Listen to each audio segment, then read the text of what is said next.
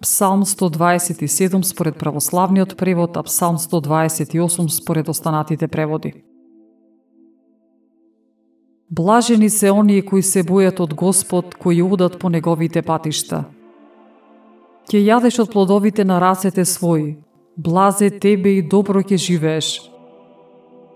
Жената во домот твој ќе биде како лоза плодовита, синовите твои како ново насадени маслини околу трпезата твоја.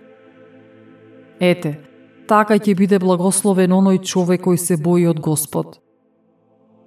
Господ ќе ги благослови од Сион, и ти ќе ги гледаш добрата Ерусалимски во сите дни на твојот живот, и ќе ги видиш синовите на синовите твои. Мир нека е на Израел,